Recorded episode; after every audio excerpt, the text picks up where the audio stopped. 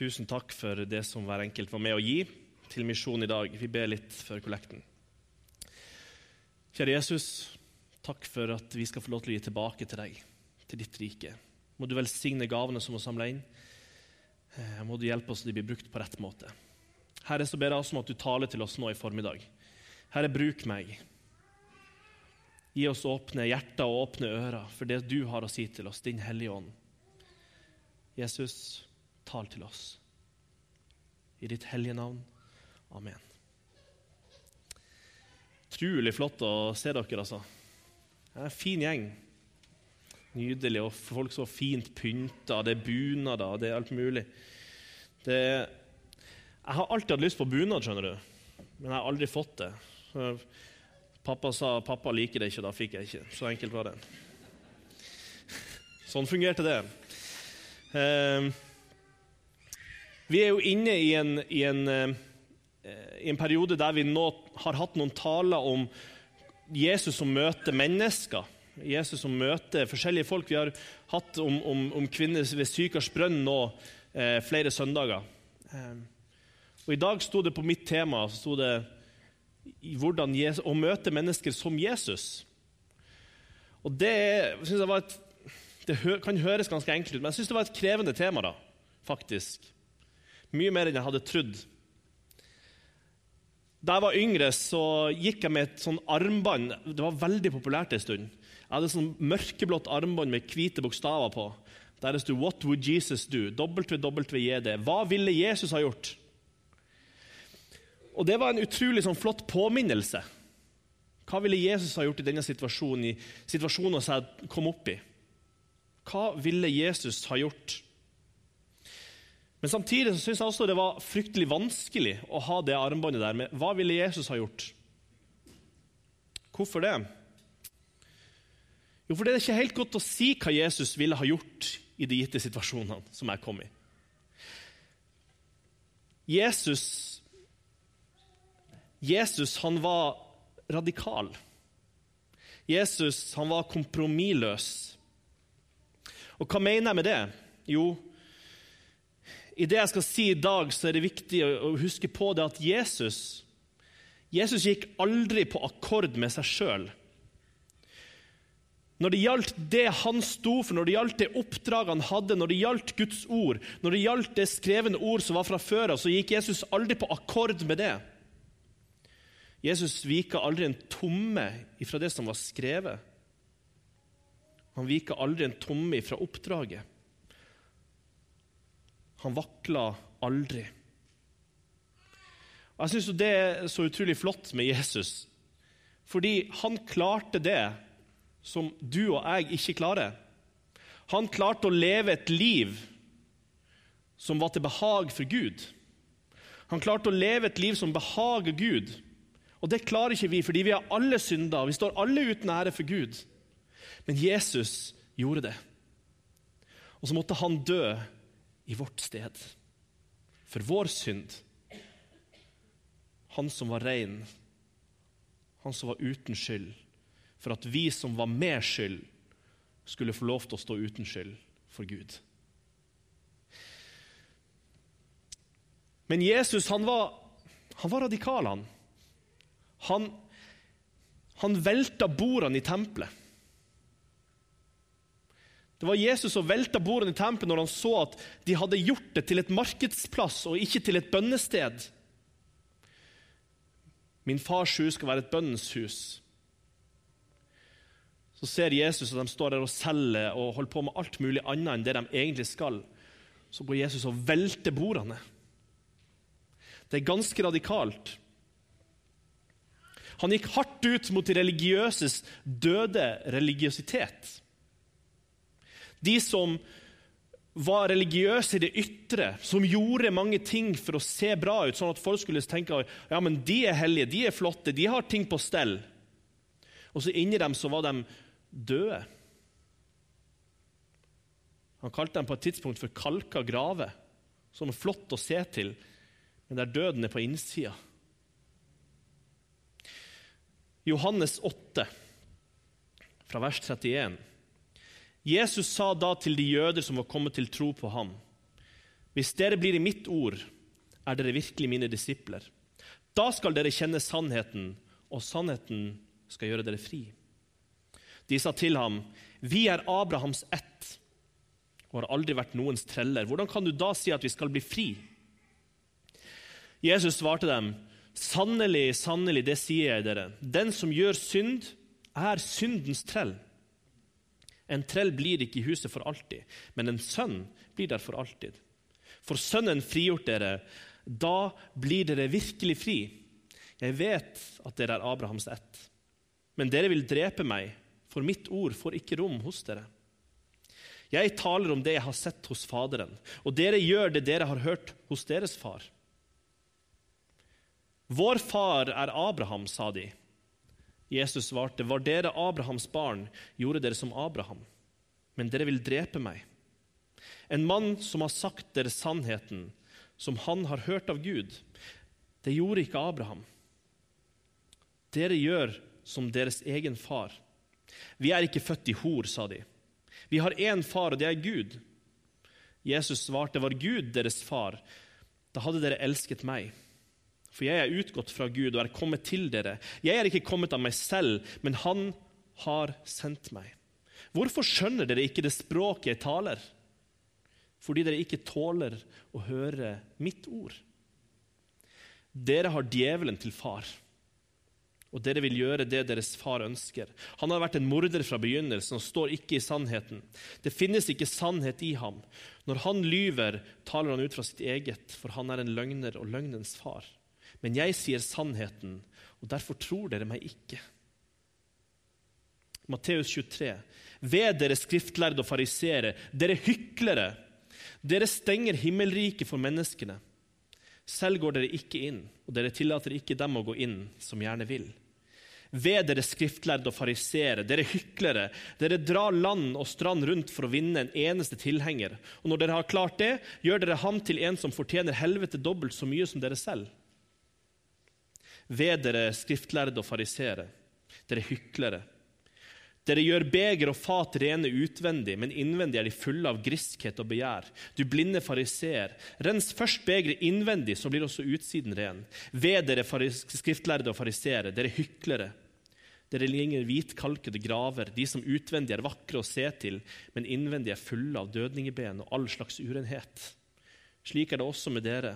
I det ytre, det som folk ser, er dere rettskafne, men i det indre er dere fulle av hykleri og urett. Det er ganske radikalt når Jesus kommer og sier at 'jeg er utsendt fra Gud'. Jeg er utsendt fra Gud, og jeg har vært hos Gud. Gud, Jeg har sett ting hos Gud. Og så går han i rette med disse som er religiøse, og som kunne Skriftene. De var veldig smarte, de kunne veldig mye, men Jesus sier at nei, nei, dere har misforstått. Fordi dere tar ikke imot meg. Dere skjønner ikke at det dere har lest om, alt dere har lest om i Gamle testamentet, i Skriftene, det handler om meg. Jeg er oppfyllelsen av det. Men dere skjønner det ikke fordi dere er døde på innsida. Ganske radikalt. Jesus tok monopol på sannheten.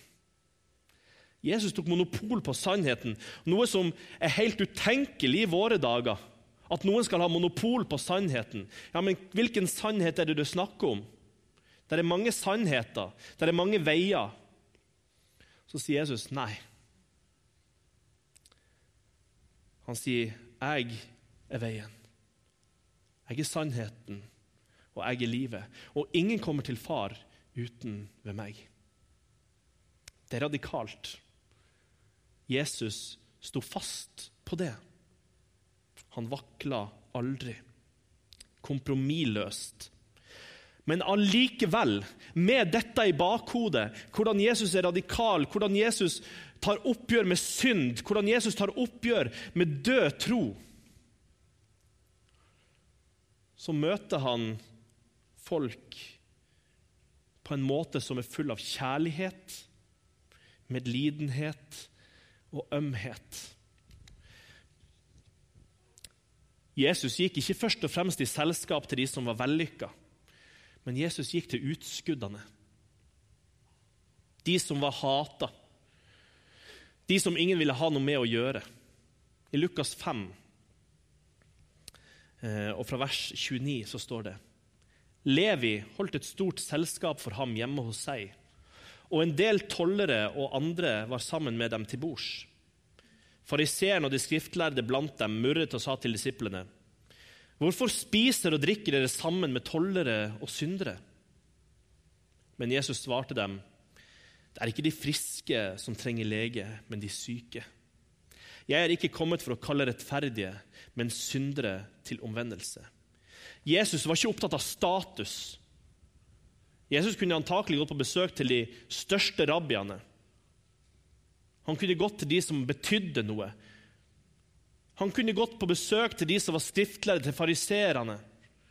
Men så velger han å ta inn hos tollere, hos syndere, hos folk som var utstøtte. Fordi Jesus han var ikke kommet for å kalle de som trodde de hadde alt på stell i seg sjøl. Men han var kommet for å kalle de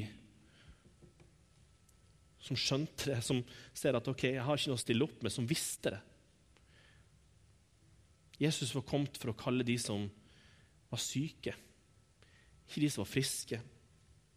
Han var kommet for å kalle syndere til omvendelse.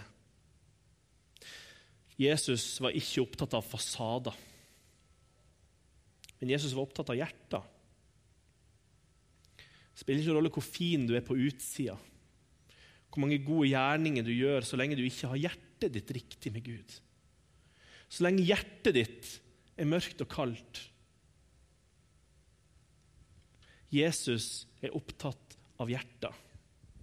Og Jesus han går imellom oss i dag, her i Betlehem. Og så spør han deg hvordan er det med ditt hjerte. Hvordan er det med ditt hjerte? 1. Johannes, kapittel 2.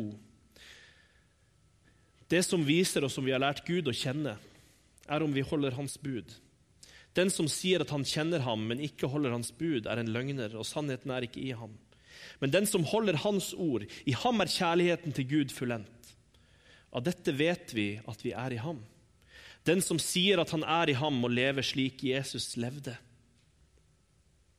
Hvilket bud? Romerbrevet kapittel 13. Ha ingen skyld til noen annet enn det å elske hverandre. Den som elsker sin neste, har oppfylt loven. For disse budene Du skal ikke bryte ekteskapet. Du skal ikke slå i hjel, du skal ikke stjele, du skal ikke begjære. Eller hvilket bud det så er, sammenfattes i dette. Du skal elske de neste som deg selv. Kjærligheten gjør ikke noe ondt mot nesten. Derfor er kjærligheten oppfyllelse av loven. Hvis vi møter folk med et utgangspunkt som er kjærlighet, så vil mange av de andre tingene falle på plass. Hvis mitt utgangspunkt som leder her er at jeg har lyst til å tjene dere med kjærlighet, så vil mye av det andre falle på plass. Når vi møter mennesker ute i byen vår, så må vi møte dem med kjærlighet og omsorg. Ja, vi skal være kompromissløse når det går på Guds ord. Vi skal være radikale. La oss være radikale, brennende. La oss tale sannheten. La oss ikke skjule sannheten, men la alt vi sier, alt vi gjør, være prega av Jesu kjærlighet først og fremst. Jeg sa det til dem i går på Betlehem Ung, at hvis, hvis jeg som leder er nødt til å ta en av dere til sides og si at måten du nå lever på, eller dette du holder på med nå, det er ikke forenlig med et kristent liv. Det kan være ganske vanskelig å høre, men det er min oppgave som leder å si fra om det. Det kan være vanskelig å høre, men da er det så viktig at de merker det, at dere vet, at dere kjenner det, at alt som blir sagt, alt som blir gjort, er gjort med et grunnlag av kjærlighet. Grunnmuren skal være kjærligheten til dere. Kjærligheten som vi har fått fra Jesus. I eh, 1. Johannes brev, kapittel 4, så står det mine kjære, har Gud elsket oss slik? Vi kan lese litt før der. Ja, dette er kjærligheten, ikke at vi har elsket Gud, men at Han har elsket oss. Og har sendt sin sønn til soning for våre synder. Har, mine kjære, har Gud elsket oss slik, da skylder vi å elske hverandre. Vi har blitt så elska at jeg kan tørre, jeg kan våge, jeg kan elske dere. Jeg har blitt så tilgitt at jeg kan tilgi. At jeg kan rekke ut ei hånd når jeg vet hvor mye jeg har blitt tilgitt. Og det er det sinnelaget som Jesus viste. Kristi sinnelag.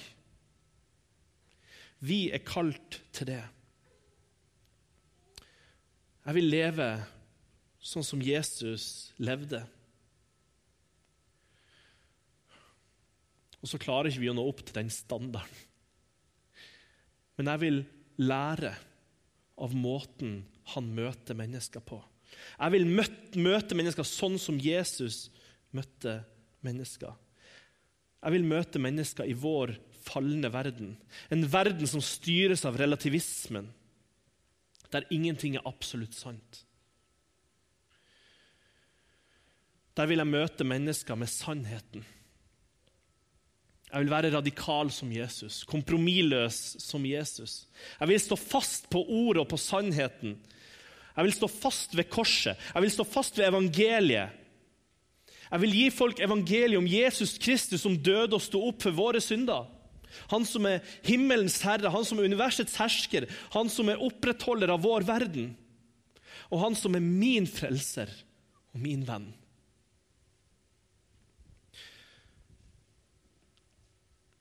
Men først og fremst vil jeg elske mennesker sånn som Jesus har elska meg.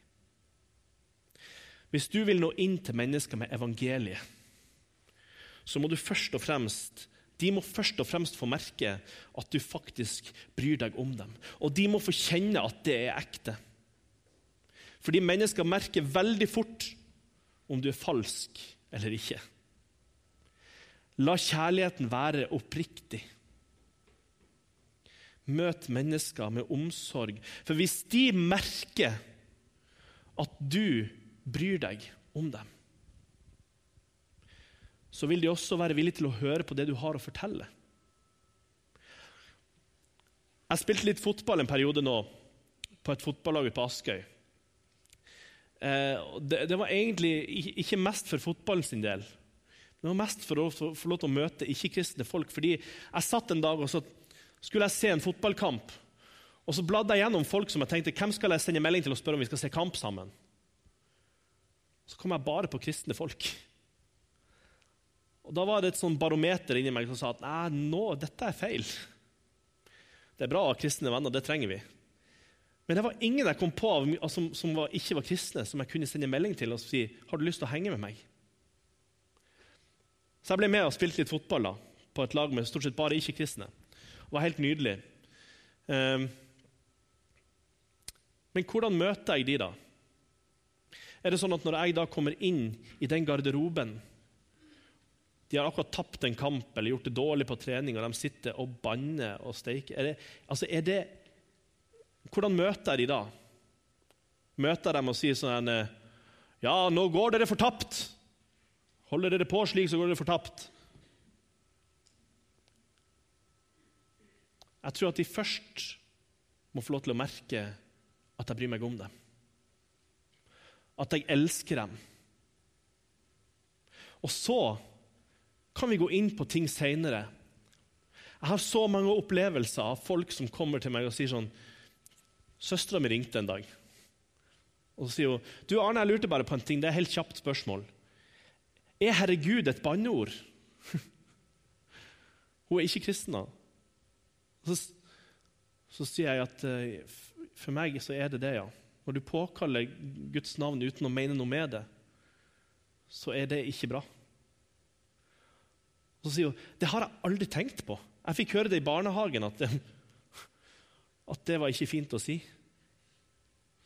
Og så, så sier jeg til henne Nei, men du må huske på det at når jeg er med deg, sier jeg, så forventer ikke jeg at du skal leve et kristent liv som ikke har fått lov til å kjenne Jesus enda. Du må først få lov til å møte Jesus, møte Jesus kjærlighet, komme inn i Jesu armer. Og så kan han få lov til å prege livet ditt.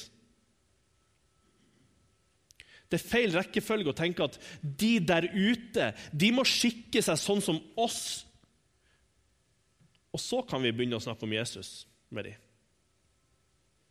Fordi Hvis du går ut på gata i dag for å møte mennesker, så kommer ikke du til å møte folk som taler vel, og som alltid skikker seg vel.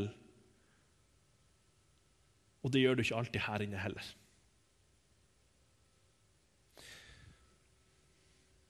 Men vi må være klar for å møte de som ikke alltid er sånn som oss. Jeg har lyst til å sette meg ned med en uteligger på gata. Tilby han en kopp kaffe og et smørbrød. Men jeg vil gi han av tida mi. Jeg vil se han inn i øynene og spørre hvordan har du det.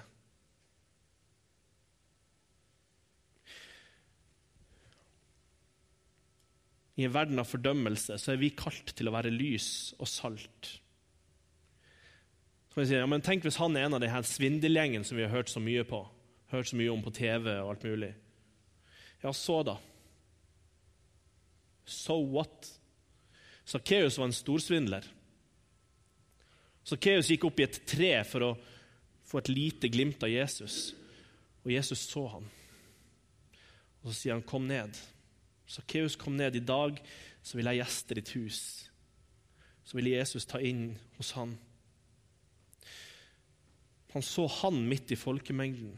Jeg vil sette meg ned på Torgallmenningen en lørdag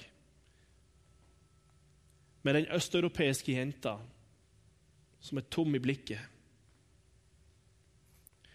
Jeg vil ha lyst til å gi henne en annen oppmerksomhet enn mange andre menn gir henne. Jeg vil fortelle henne om det levende vannet, sånn som Jesus gjorde.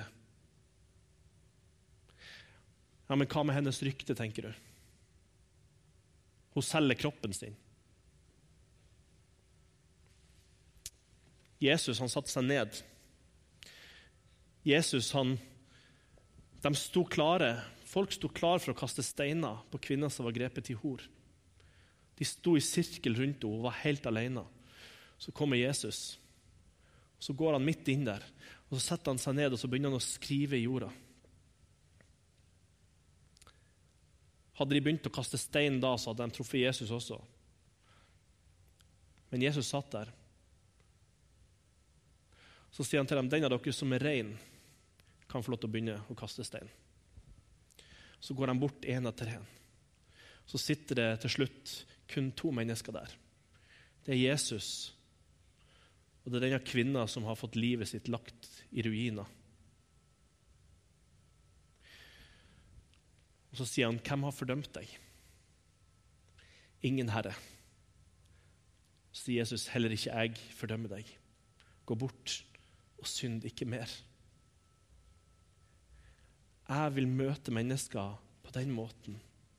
Jeg vil ikke være en av de som står og kaster stein. Men jeg vil være den som går til de som ikke har noen andre. Og så har jeg lyst til å skinne litt av Jesu lys inn i deres mørke hverdag.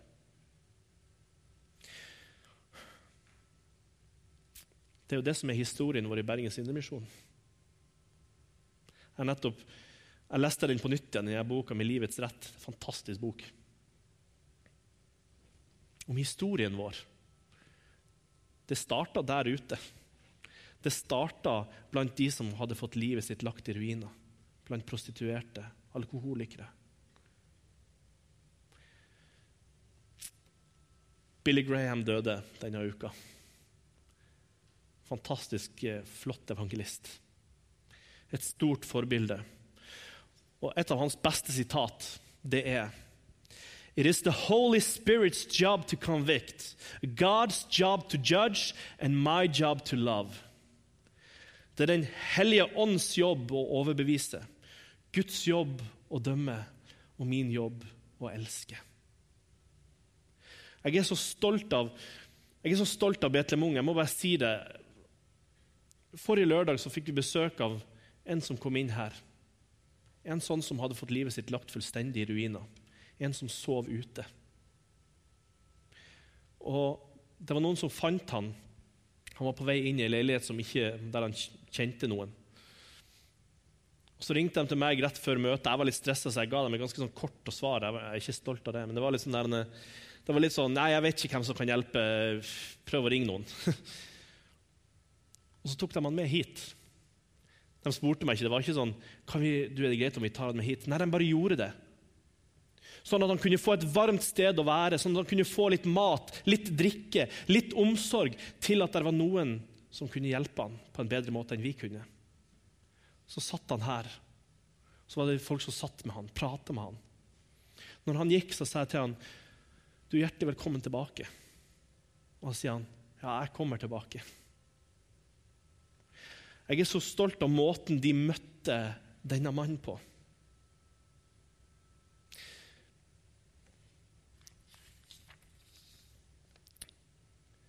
Um, en av de fineste stundene som jeg kan tenke meg i Bibelen, det er når uh, en av fariseerne har innbudt Jesus til å spise hos seg.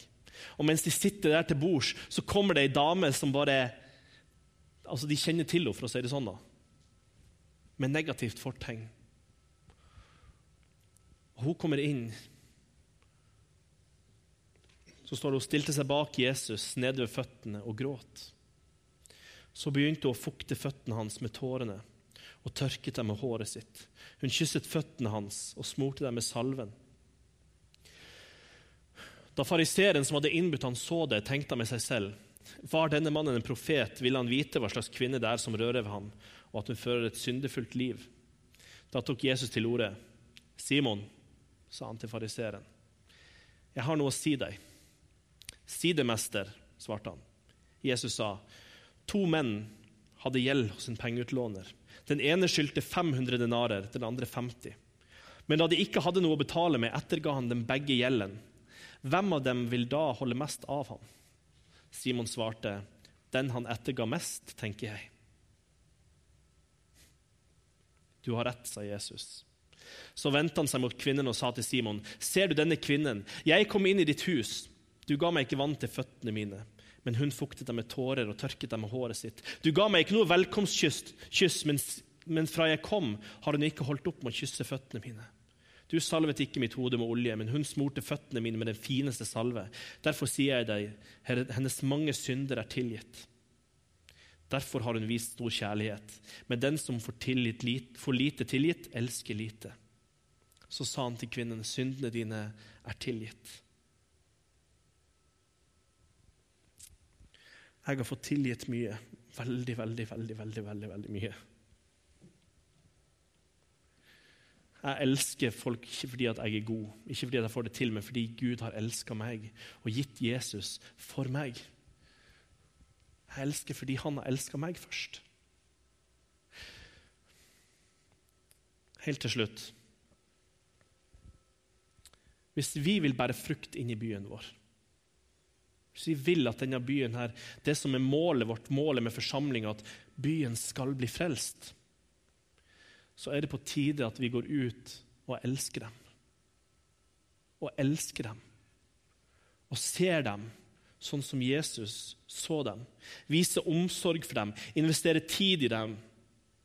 Jesus døde for dem, for at de skulle ha evig liv og vi er kalt til å gå. Vi er kalt til å gå til en døende verden med et levende evangelium om frelse for syndere gjennom Jesu Kristi død og oppstandelse. Radikalt, kompromissløst og kjærlig. Og hvis du er her som kjenner at du har mange ting som du burde ha tilgivelse for, så vit at Jesus han vil tilgi det. Han vil møte deg én til én. Jesus ser deg der du sitter i ditt morbærtre,